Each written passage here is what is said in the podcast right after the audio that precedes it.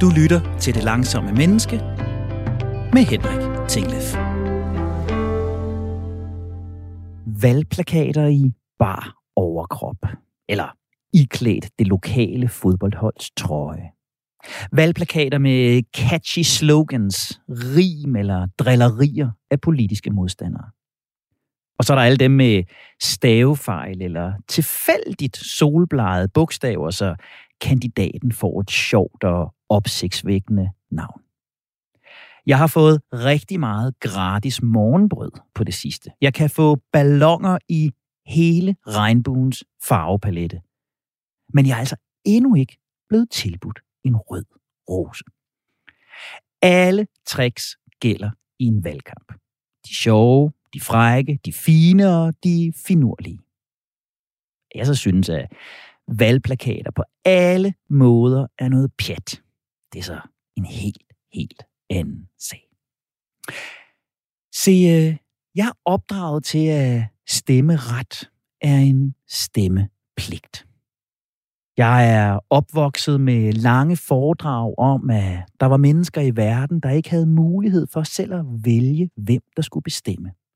Og at det her stemmekort, der kom ind ad døren hver fjerde år, var vores symbol på frihed. I lighed med det bordeauxrøde pas og den gratis uddannelse. Jeg kan rent faktisk huske, at da jeg som 12-årig sad og så Østberlinerne vælte muren derinde i min forældres 50 kilo tunge BRO-fjernsyn med store træpaneler, der var et af mine første spørgsmål til min far. Kan de så også få lov at stemme? Jeg er en af dem, der har haft mine børn med i stemmeboksen, lige fra de kunne sidde på armen. Og jeg har flere gange taget mig selv i at gentage mine forældres pointer for dem. Igen og igen og igen. Jeg er også en af dem, der synes, at vi behandler vores politikere for dårligt. Især vores lokalpolitikere.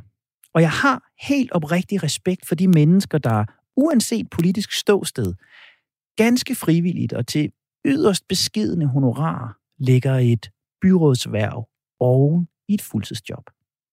Jeg kan kun respektere mennesker med en sag.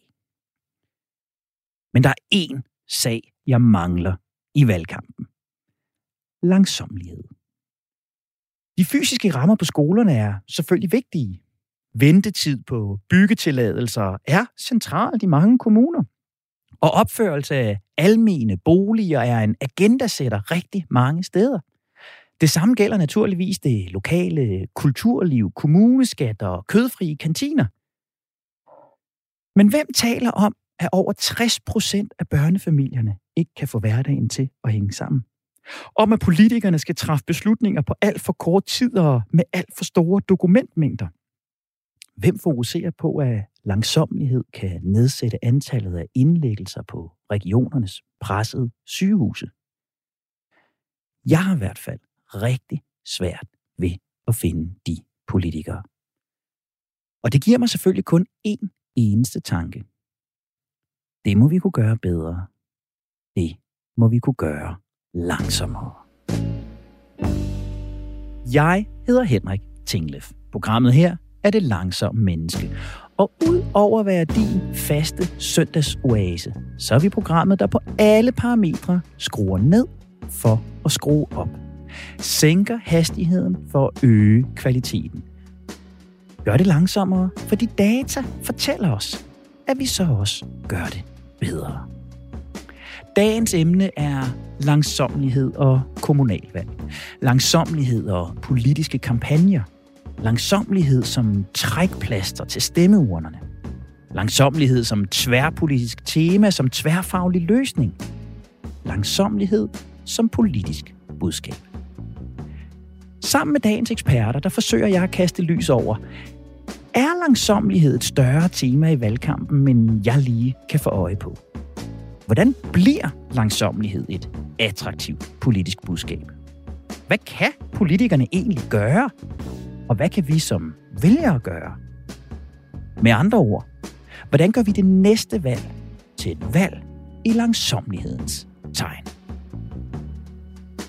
Jeg tænker, at et godt sted at starte, det er at få en vurdering hos en skarp politisk iagtager. Og derfor så har jeg lige nu med på en linje Radio 4's politiske redaktør, Thomas Larsen. Velkommen til programmet, Thomas. Tak skal du have. Thomas, du er vant til at øh, betragte politik, til at betragte politiske strømninger, vurdere politikers bevæggrunde. Så øh, set med dine briller, Thomas, fylder langsomlighed mere i valgkampen, end jeg lige kan få øje på? Eller er det det her perifære emne? Jeg hælder til det sidste, det må jeg indrømme, Henrik, at det ikke fylder øh, ret meget. Det er ikke sådan, at langsomlighed, det er, kan man sige, det slogan, der fylder på øh, valgplakaterne. Det er heller ikke det tema, der øh, er det dominerende, når vi ser på de debatter, der er øh, ude lokalt over øh, hele øh, landet. Så det er altså et, et, et mindre tema, og det er meget mere øh, de klassiske politiske temaer om sundhed, ældre, øh, velfærd osv., der står øh, øverst på, på, på dagsordenen når vi ser øh, ud over den kommunale valgkamp øh, her og, og nu. Man kan sige, der er måske nogle, nogle, nogle, nogle små øh, pip rundt om, om, om, omkring, altså når det for eksempel handler om, om, om, om velfærden, altså hvor der er øh, nogle øh, grupper i den offentlige sektor, der simpelthen mener, at øh, der er skruet alt for højt op, at tempoet er blevet øh, altså, er simpelthen gået over gevind, og de ikke længere kan, kan klare det arbejdspres, som, som de bliver udsat for. Så på den måde er der nogle, nogle, nogle, øh, nogle indfaldsvinkler til hele den diskussion, du prøver at rejse, Henrik, men altså det, det, det brutale svar på de spørgsmål, det er, at kigger vi bredt ud over valgkampen, så fylder fylder det ikke ret meget. Nej, og det overrasker mig jo desværre ikke, Thomas, at det, det er det, du siger. Og, og, og derfor har jeg lyst til at spørge en, en så erfaren politisk jagttager som dig, hvordan kan det være? Hvorfor er det her ikke et tema, der fylder for os? Det er et meget stort og meget svært spørgsmål, du, du, du stiller, og øh, jeg tror, at der er mange i virkeligheden elementer og faktorer, man skal have med i den store øh, ligning her. Men det, man vel kan sige helt overordnet, tror jeg, øh, hvis man ser på, på politikerne i, i Danmark over øh, en, en, en lang række årtier, det er jo, at, øh, at det i høj grad har handlet om øh, økonomi. Øh, det i høj grad har handlet om, øh, hvordan vi gør vores øh, lille kongerige så øh, konkurrencedygtigt øh, og så øh, effektivt, og man kan også sige på mange måder velfungerende som overhovedet muligt. Og det er jo i virkeligheden, fordi vi har styret efter nogle pejlemærker, der hedder, at vi skal være en velstående nation, altså med, med, med, med høj øh, velstand, fordi det overskud, kan man sige, og den økonomi kan vi så også bruge til at skabe velfærd og skabe et øh, velfærdssamfund, som der er en overvældende opbakning til befolkningen, og som jo set og sammenlignet med mange andre lande giver den enkelte borger en helt enestående øh, tryghed.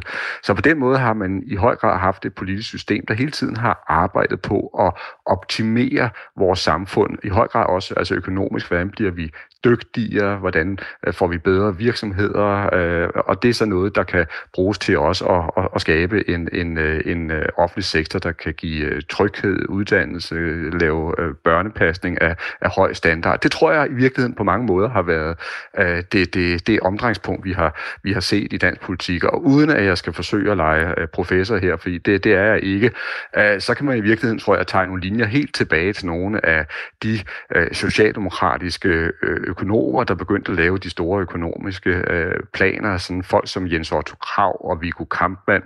Og så tror jeg også, man kan sige, at øh, altså siden slutningen af 70'erne og starten af, af 80'erne, du ved, dengang, hvor hele nationen kiggede ned i den økonomiske afgrund, som den socialdemokratiske øh, øh finansminister Knud Heinesen talte om, ja, så har der virkelig været fokus på, hvordan øh, gør vi Danmark økonomisk stærkt, og der har været enormt mange reformer i en lang periode, der også har handlet om det her med at skaffe større arbejdsudbud, det vil sige sørge for, at flest mulige danskere er ude på arbejdsmarkedet, sådan så vi kan tjene penge, og så vi igen også kan investere i velfærden. Med meget brede penselstrøg, så tror jeg, at det har været historien. Og det er jo så i virkeligheden, dit, dit underliggende budskab i det her er jo så lidt, at det skal jeg i min mission i virkeligheden være lidt glad for. Altså, der er blevet skabt et grundigt økonomisk fundament, som gør, at jeg nu kan tillade mig det her lidt mere overskudsagtige, lidt mere øh, velbefindende fokuseret øh, øh, fokus på langsomlighed, trivsel og balance. Det kan vi kun, fordi vi har det her solide fundament, du beskriver, der er skabt over de seneste 20-30 år.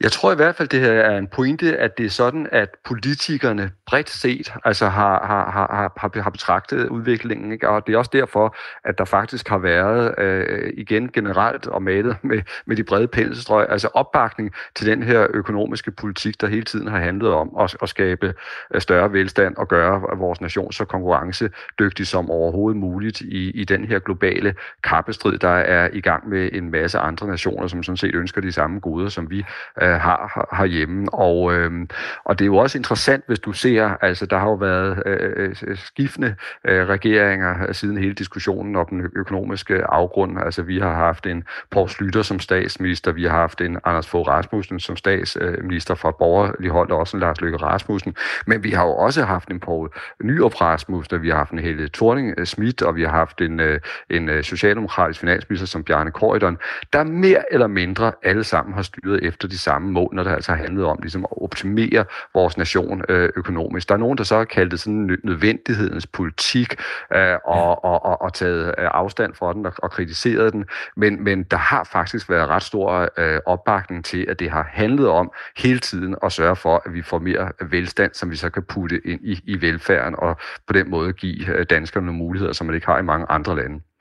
Og i hele den her bevægelse med det økonomiske fokus over de sidste øh, 20-30 år, Thomas, har der været nogen, der har forsøgt sig med, med det her langsomlighed, trivsel, balance? Altså er der nogen politiske partier eller bevægelser, der har en historik med fokus på langsomlighed og balance i hverdagen? Ikke bredt, og det er ikke et tema efter min bedste mening, der sådan har, har, har fyldt og domineret den politiske dagsorden på Christiansborg. Det, det mener jeg simpelthen ikke. Men altså, hvis man ser især på venstrefløjen, øh, øh vil jeg mene, der har man haft uh, partier, der har altså forfulgt del af den dagsorden, som du taler om her. Og det har måske tidligere været øh, enhedslisten og, og sådan den yderste venstrefløj, der har haft visioner om at bygge samfundet op på en helt anden måde, og øh, altså også skrue ned netop for det rasende tempo i arbejdslivet, øh, og, og leve for mindre osv.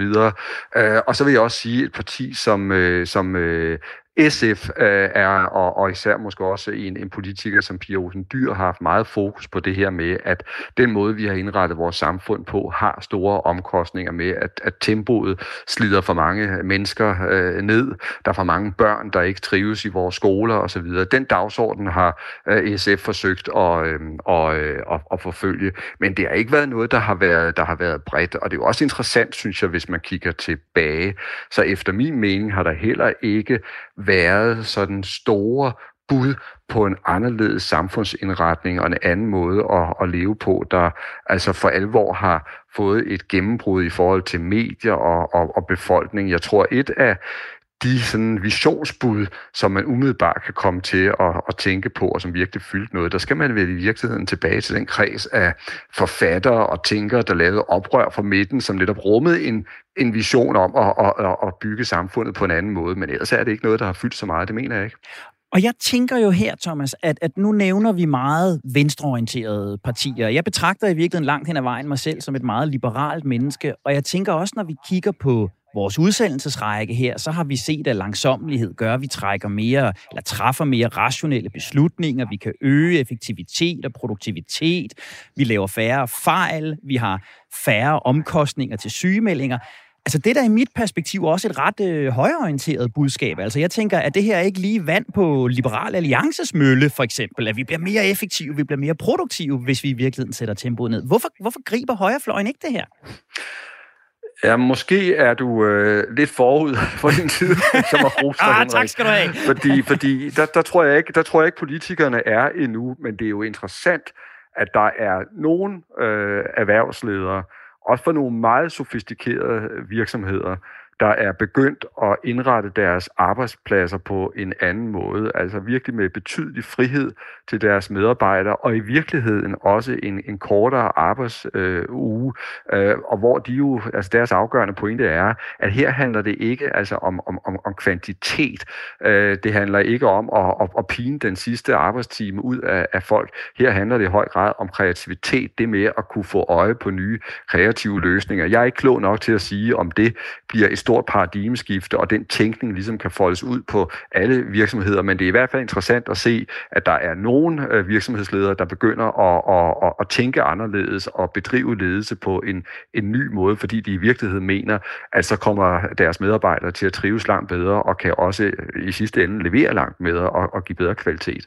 Og det er jo lige præcis det budskab, vi prøver at øh, stå på mål for øh, her. Til allersidst, Thomas, fordi du har et øh, travlt program og skal videre. Hvis vi nu skal præge det kommende valg, der kommer også et folketingsvalg inden alt for længe sandsynligvis.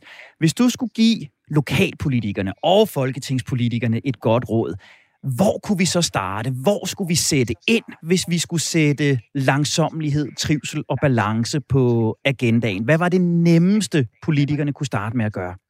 Ja, nu bliver jeg nødt til at sige, Henrik, at jeg desværre ikke sådan vil begynde at give råd, eller skal forsøge at være sådan en, en, en, øh, en, en, en, en spindoktor eller, eller, eller rådgiver. Altså mit, mit lille job, det går ud på efter bedste evne at prøve at beskrive, hvad der sker på Christiansborg i det politiske system. Og det er det, du god til. Jeg godt tør at sige. Det, tak skal du have, tusind tak. Øh, det jeg godt tør, tør, tør at sige, det er, at øh, jeg tror, der vil være nogle af de øh, emner, som du forfølger og som du kigger på, øh, øh, som faktisk vil, vil, vil begynde at, at, at, at fylde øh, mere.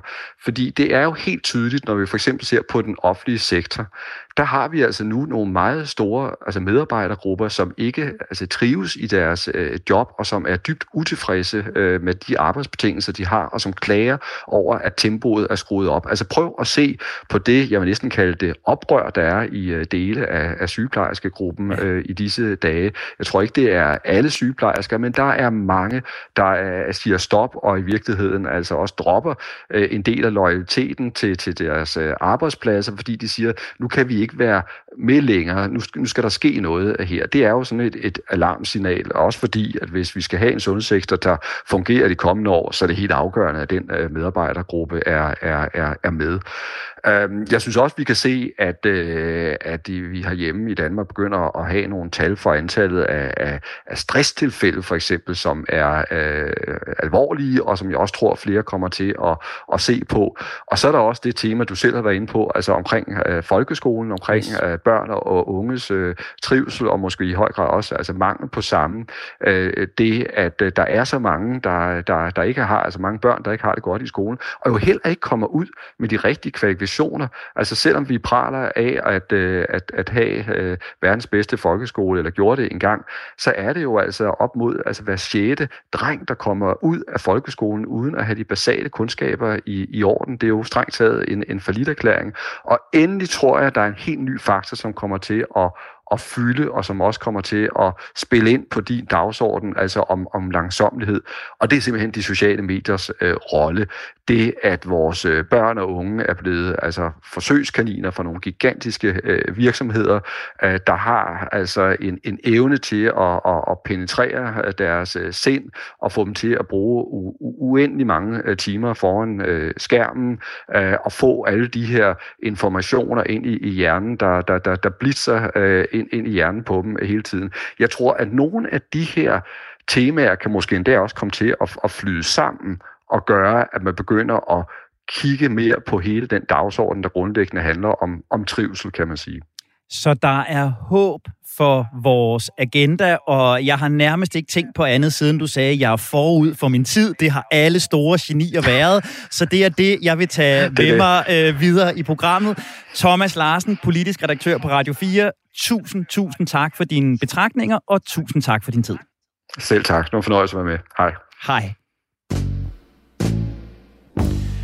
Du har stillet ind på Radio 4. Programmet, du lytter til, er det langsomme menneske. Mit navn er Henrik Tinglef, og i dag er fokus ene og alene på det forestående kommunalvalg. Vi har lige fået en række overordnede betragtninger om langsomlighed i politik af Radio 4's politiske redaktør, Thomas Larsen. Og nu kan jeg så her i studiet byde velkommen til endnu en valgekspert, endnu en politiker-ekspert, kommunikationsrådgiver og forfatter, Christen Schul Jørgensen, direktør i Oxymoron. Velkommen til, Christen. Tak skal du have, Henrik. Christen, du har været fuldmægtig i et ministerium, du har været ministersekretær, og du har i nogle 20 år arbejdet med strategisk kommunikation, både i politik og erhvervsliv, rådgivet politikere og ministre.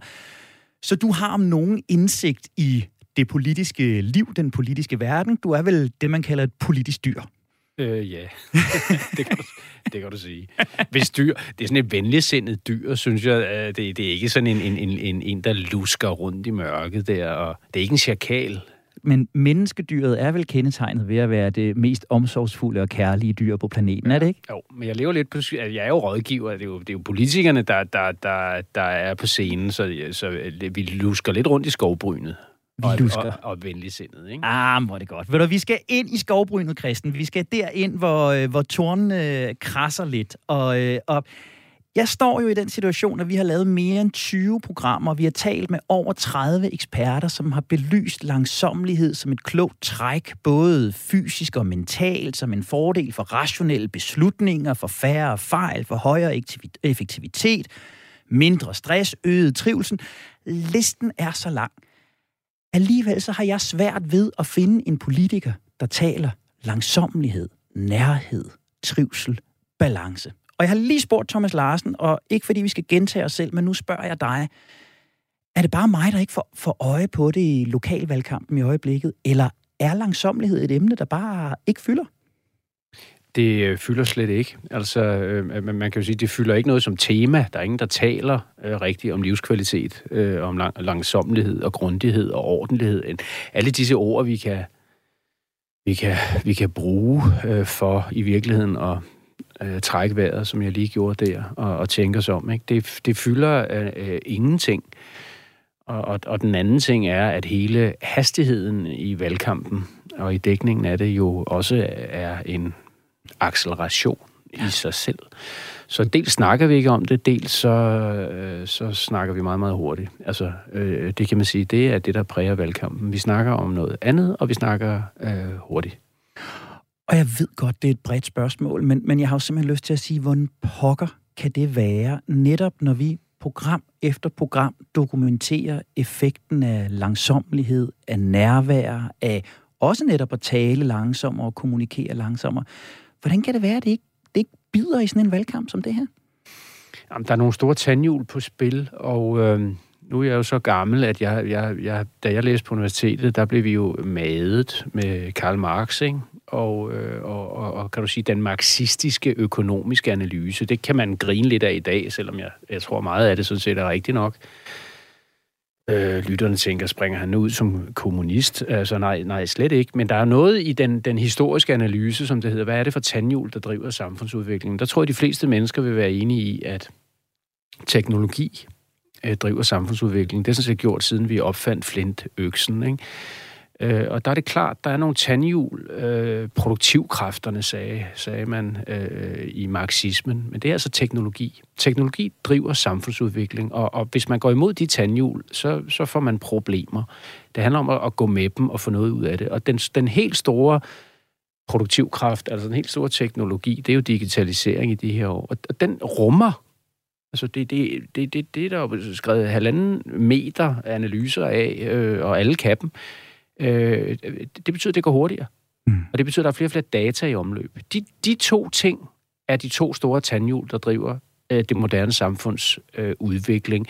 Flere og flere data, 24-7. Altså, der, take a wild guess. Altså, når vi åbner vores mobiltelefoner om et år, altså færre eller flere informationer, der er flere. Så og, så, og det næste er hastigheden, hvormed vi får dem. Altså, da, for 10 år siden, og det er så konkret er det, altså i 10.010, der, der blev mobiltelefonerne et, et primært øh, instrument. Altså før, før det var der ikke bredbånd til at bære transmissioner af data i det her omfang. Der måtte vi skulle stadigvæk åbne en computer. 20 år før, eller 10 år før det, der var der ikke computer. Vel?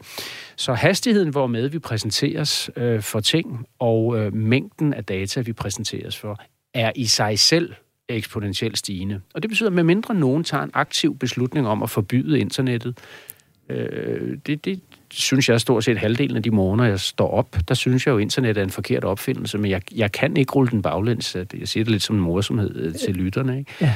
Øh, medmindre nogen stopper de tandhjul, øh, så er acceleration, øh, det er et tandhjul.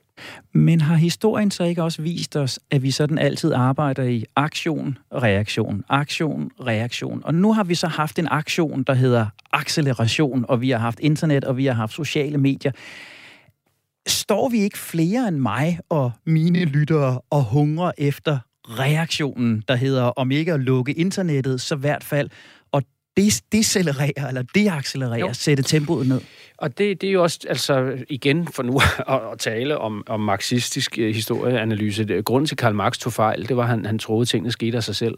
Ja. Det, det er jo der, kan du sige, kommunisterne og marxistisk analyse tager fejl. Det er, at de tror, at, at, at, at tingene har deres eget drev, og at mennesker er ligegyldige. Vi bliver bare kværnet i historiens store lu, øh, jul. Øh, historien viser også, at, øh, at øh, på et tidspunkt øh, i, i de store kapitelskift, og vi står midt i et kapitelskift, der hedder digitaliseringen, der, øh, der, der, der øh, skriver vi Emma Gade igen. Altså, vi har lige haft en pandemi.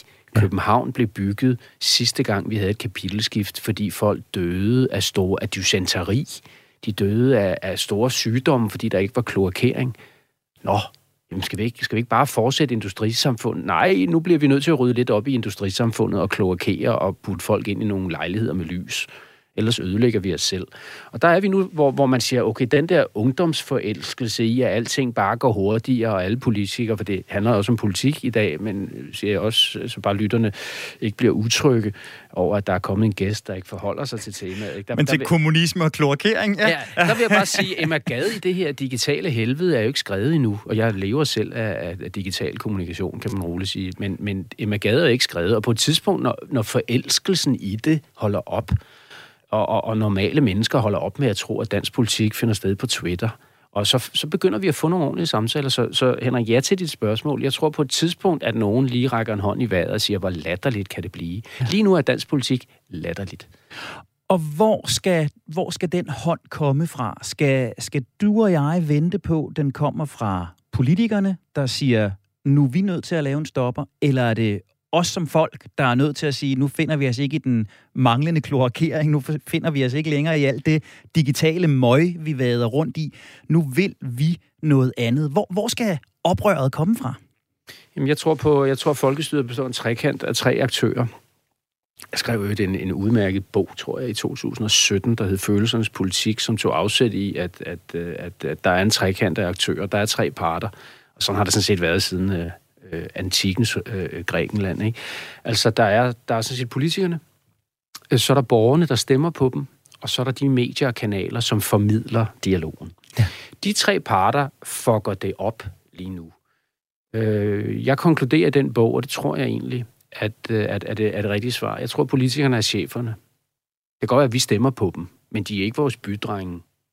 Og medierne, Ja, I er jo ansvarsfri, Henrik, for I siger, at vi bliver nødt til at dække det for helvede. Altså uanset hvor åndssvagt det er, så bliver vi nødt til at dække det. Er det, det er jo jeres undskyldning, ikke? Det er det jo, ja. ja, ja. Jeg er selv gammel chefredaktør for et par aviser med større og mindre held, skal Det ved jeg, jeg det ved jeg. chefredaktør for noget, der hed Dagen, og det, jeg er meget stolt af den avis, men den overlevede jo ikke. Den gik jo konkurs, fordi vi glemte at regne, kan man sige. Men, men hvor med alting er, har, har prøvet egentlig at ophæve det at sige, at medierne har også et, et, et, et ansvar. Det er dit eget fremragende program jo også et godt eksempel på. Men nej, politikerne er cheferne. Ja.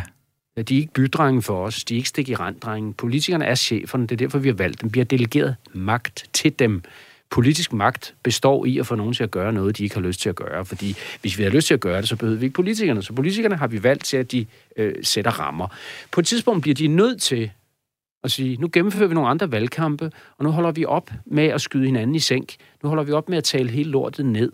Nu holder vi op med at ironisere alting ihjel på Twitter. Når jeg taler med politikere, Øh, øh, bilateralt og hemmeligt, når mikrofonen er sluttet, ja. er slukket, så synes de alle sammen, at det, du og jeg taler om nu, er rigtigt. Ja. Der er ingen af dem, der elsker Twitter. Der er Nej. ingen af dem, der synes, det er fedt. Meget, meget stor del af dem. Lad os nu være ærlige og, og, og, øh, i dette øh, lukkede rum med 10.000 af lyttere, og så sige, et rekordstort antal politikere er udbrændt, er depressive, er på overlov, har kæmpemæssige alkoholproblemer, hvor de jo toger rundt. Øh, med, med, øh, det gør de jo. Øh, de har stress, ligesom man har på andre arbejdspladser, og måske endnu mere. Når man så taler med dem, så er de leder kede af deres fag. Øh, og, og, og, og det vil jeg gerne citeres for. Ja. Øh, altså, altså, når man taler med dem i fortrolighed, så er de lede og kede af den vej, politik går. Så derfor bliver, det siger jeg så til dem. Nå, okay, det er fint, siger jeg så, det er super. Øh, men så gør der jo for helvede noget ved det. Undskyld mit fransk. Præcis. Det, så, så på et eller andet tidspunkt på den anden side af ikke denne valgkamp, næste valgkamp, næste valgkamp, så, så, så, så, vil, så vil Mette Frederiksen læne sig frem mod Søren Pape, og så vil hun sige, Søren, hvor var det godt, det du sagde. Øh, jeg har lige ombestemt mig, og Søren Pape vil læne sig frem mod, øh, mod Jacob Ellemann, og så vil han sige, prøv at høre, skal vi ikke skifte samtale? Ja. Skal vi ikke lave det der folkestyre, vi kunne lave i dette lille forkælede land, øh, hvor, hvor, hvor vi har det så godt, og hvor vi to gange tidligere i verdenshistorien har skabt. Vi har skabt et velfærdssamfund, som hele verden misunder os, og vi har skabt et uddannelsessamfund før det, hvor vi er det bedst uddannede folk, planeten nogensinde har mødt. Nu fucker vi det hele op.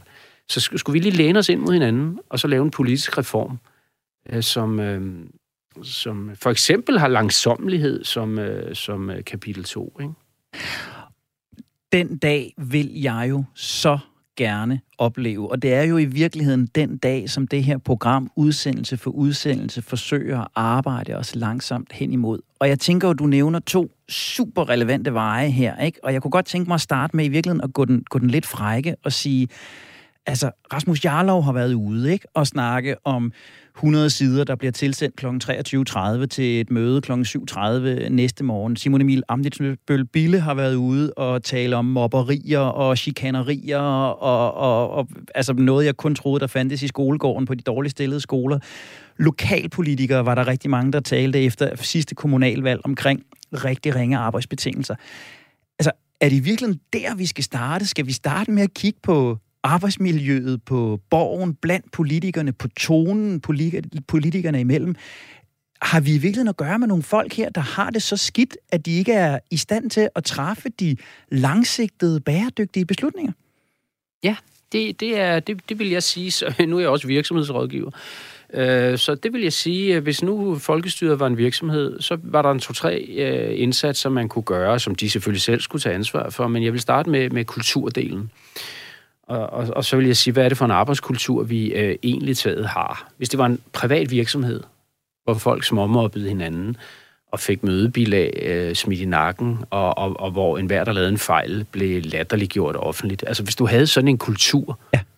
øh, på en privat virksomhed, så ville man jo lukke lortet, eller, eller nogen, bestyrelsen vil sige, så stopper det. Arbejdstilsynet vil øh, sende arbejdsmiljøpatruljen, ikke? Jo, og, og så kunne du gå ned i de enkelte afdelinger i den virksomhed, som så hedder partier i folkestyret. Så kunne man sige, hvad, hvordan er jeres alkoholkultur lige øh, i, i, i det parti? Hvordan er jeres seksualkultur egentlig øh, i det parti? Hvordan er jeres øh, ledelsesstil i det parti? Og, og, og jeg, jeg er altså helt ærlig, altså alkoholkultur og, og, og og, og magtmisbrug, intimidering af unge kvinder osv. It's all there. Ja. Så fix den kultur, og dem, som ikke kan finde ud af det, at de må så ud af vagten. Og, og, men, men, men så har vi også en fremadrettet uh, samtale om det, og der kan man sige, mm, det er jo ikke specielt god ledelse, som jeg, jeg, jeg hører til dem, der, der forsvarer uh, politikere. Jeg synes faktisk, vi har øh, partilederne af, af hver især ordentlige mennesker. Jeg tror, man skal jeg skal nok komme tilbage til en kritik, så det, det bliver det sjovt, ikke?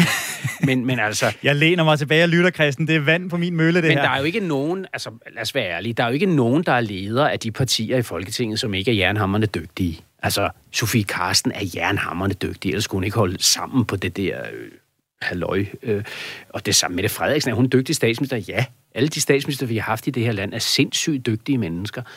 Øh, er Jacob Ellemann så en pape dygtig? Ja, de er dygtige. Men, men i forhold til alkoholkultur, og i forhold til mobberi, og i forhold til organisationskultur, der er de ikke så dygtige.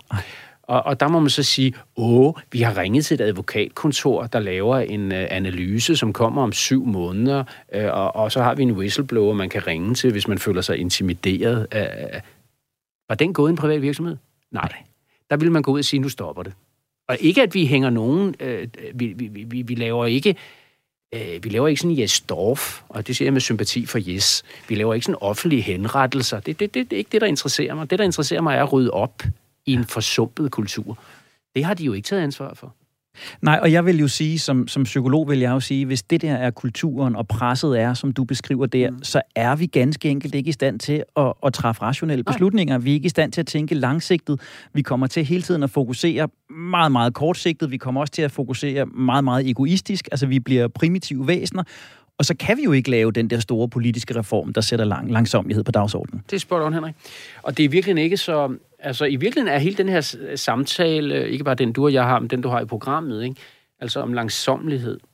I, I virkeligheden er det også i det politiske ikke så indviklet, for det, det har at gøre med det, du ansyder. Det har at gøre med, med, med tid. Og det har at gøre med, altså, det har for det første at gøre med, om der er tid i kalenderen til at tænke, og så har det at gøre med den hastighed, hvormed man kværner igennem sin hverdag. Og det kender vi alle sammen. Alle mennesker kender det. Hvis vi er presset på tid, to-tre ting samtidig.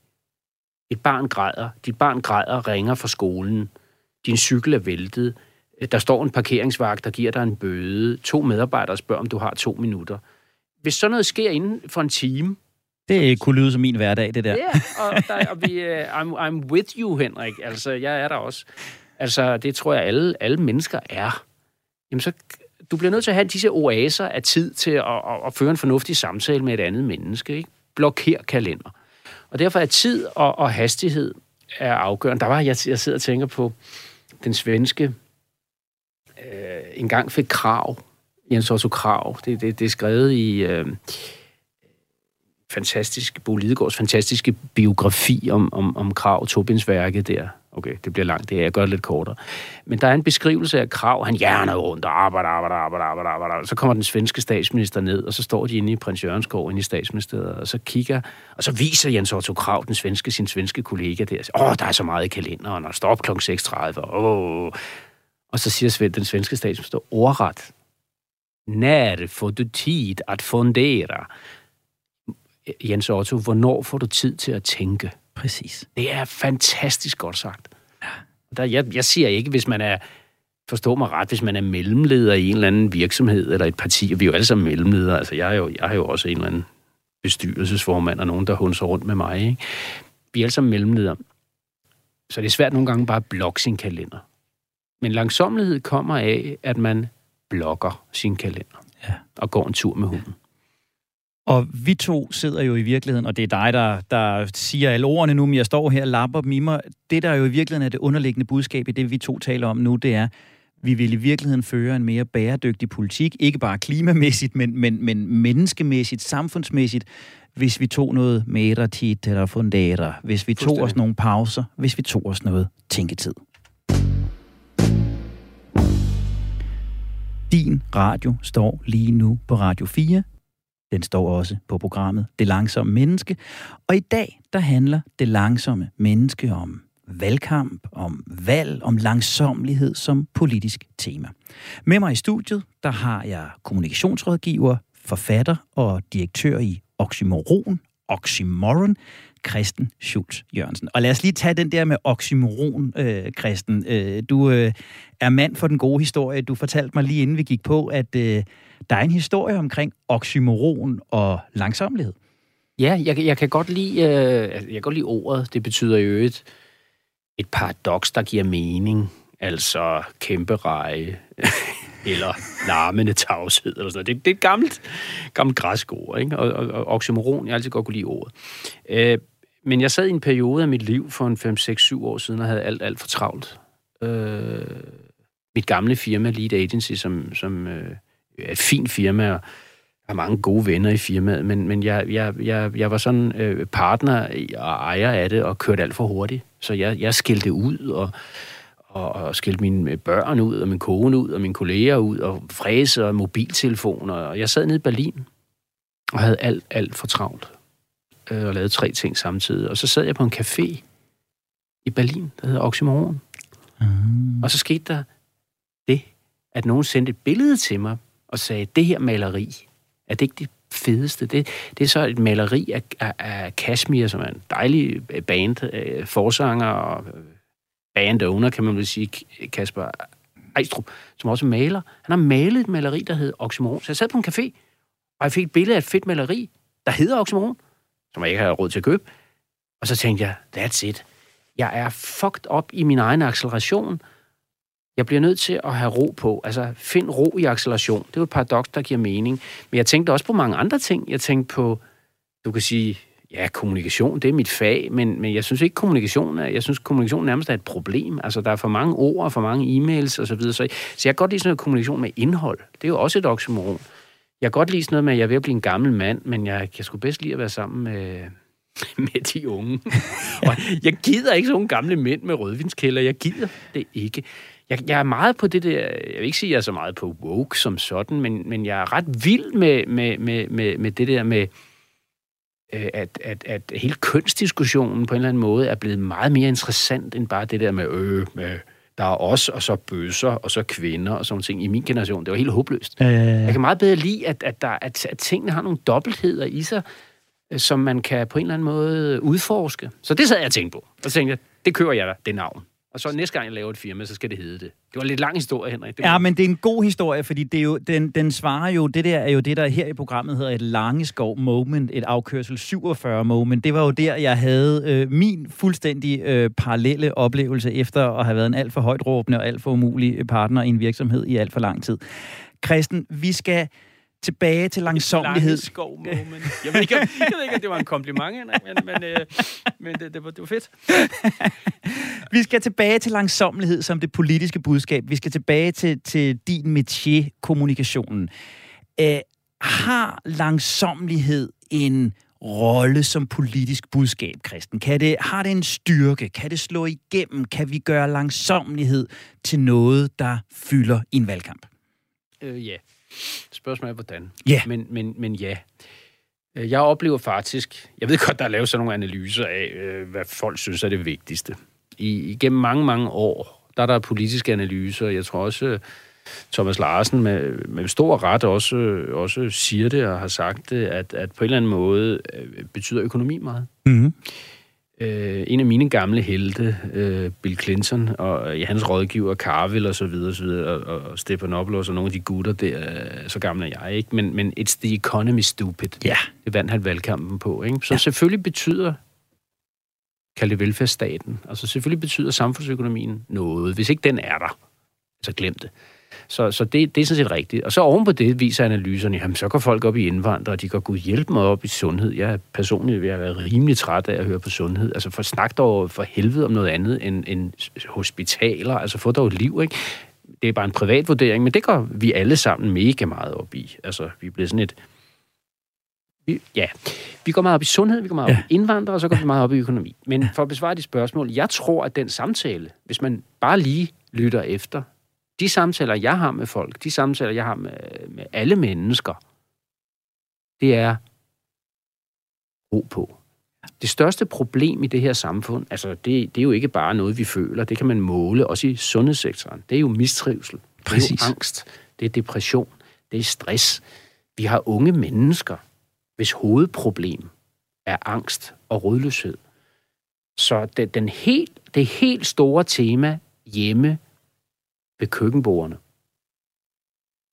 det er fucking ikke indvandrere eller velfærdsstat eller øh, overgangen i sundhedssystemet. Det ved jeg godt, altså hvis man, øh, hvis man er faret lidt vild på Herlev Hospital, så ved jeg godt, det, kan- det, det er overgangen i sundhedssystemet. Selvfølgelig betyder det noget, men den store samtale hjemme ved køkkenbordene, det er ro på.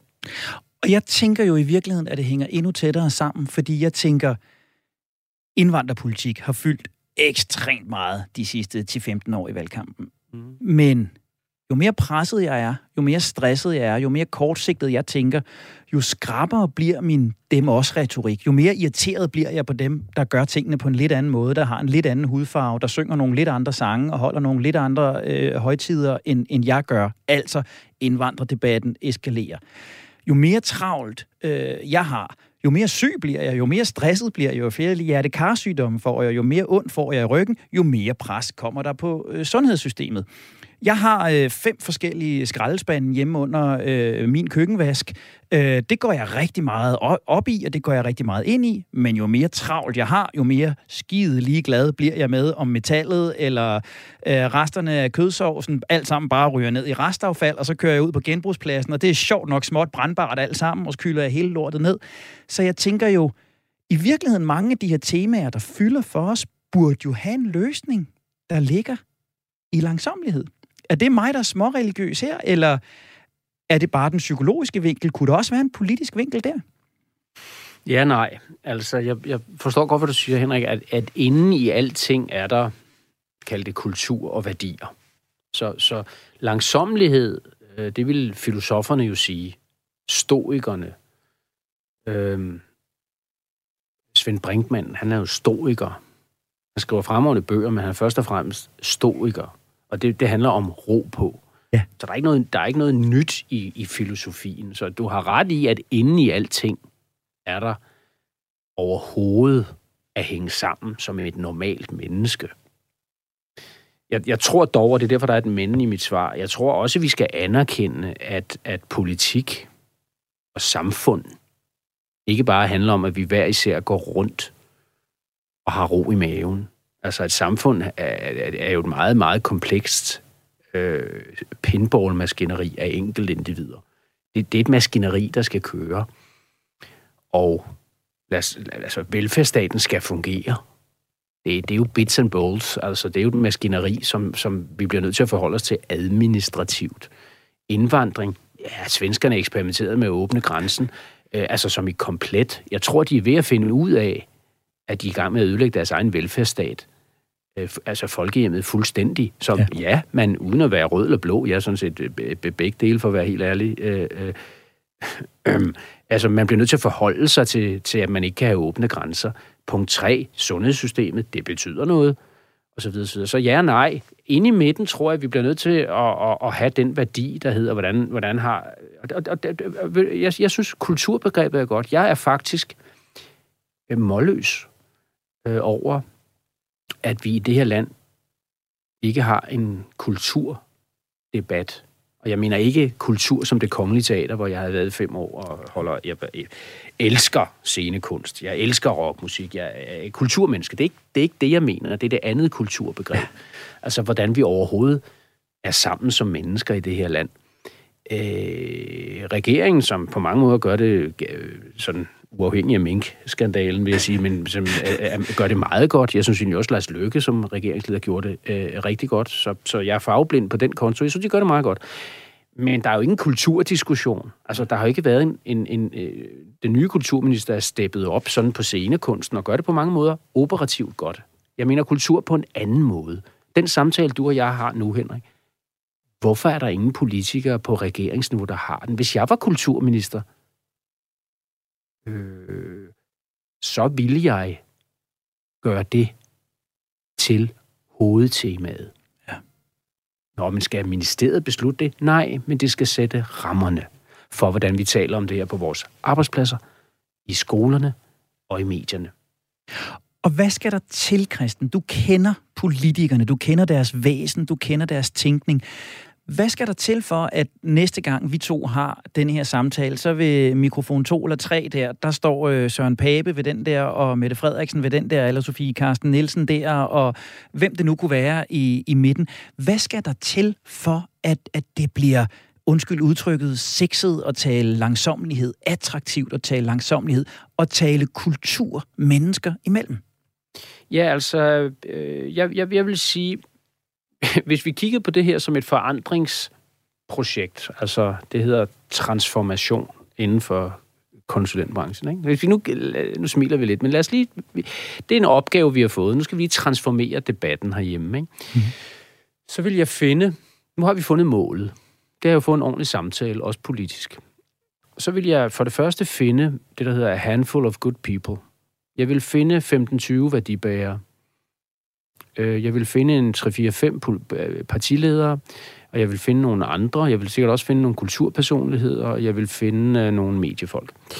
Og så vil jeg sige, nu begynder øh, I, I 18.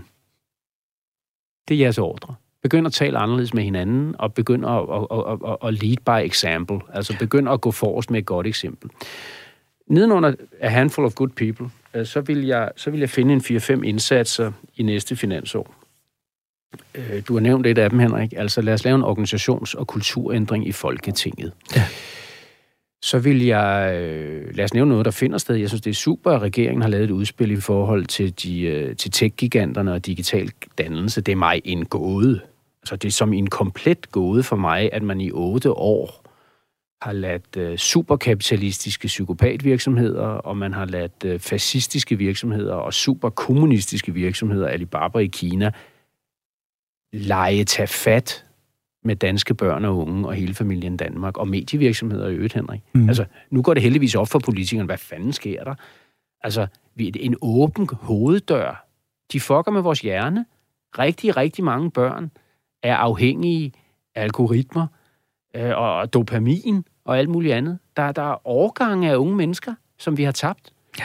Og, og det har ødelagt vores politiske diskussion, og det har reddet tæppet væk under meget, meget gode medievirksomheder.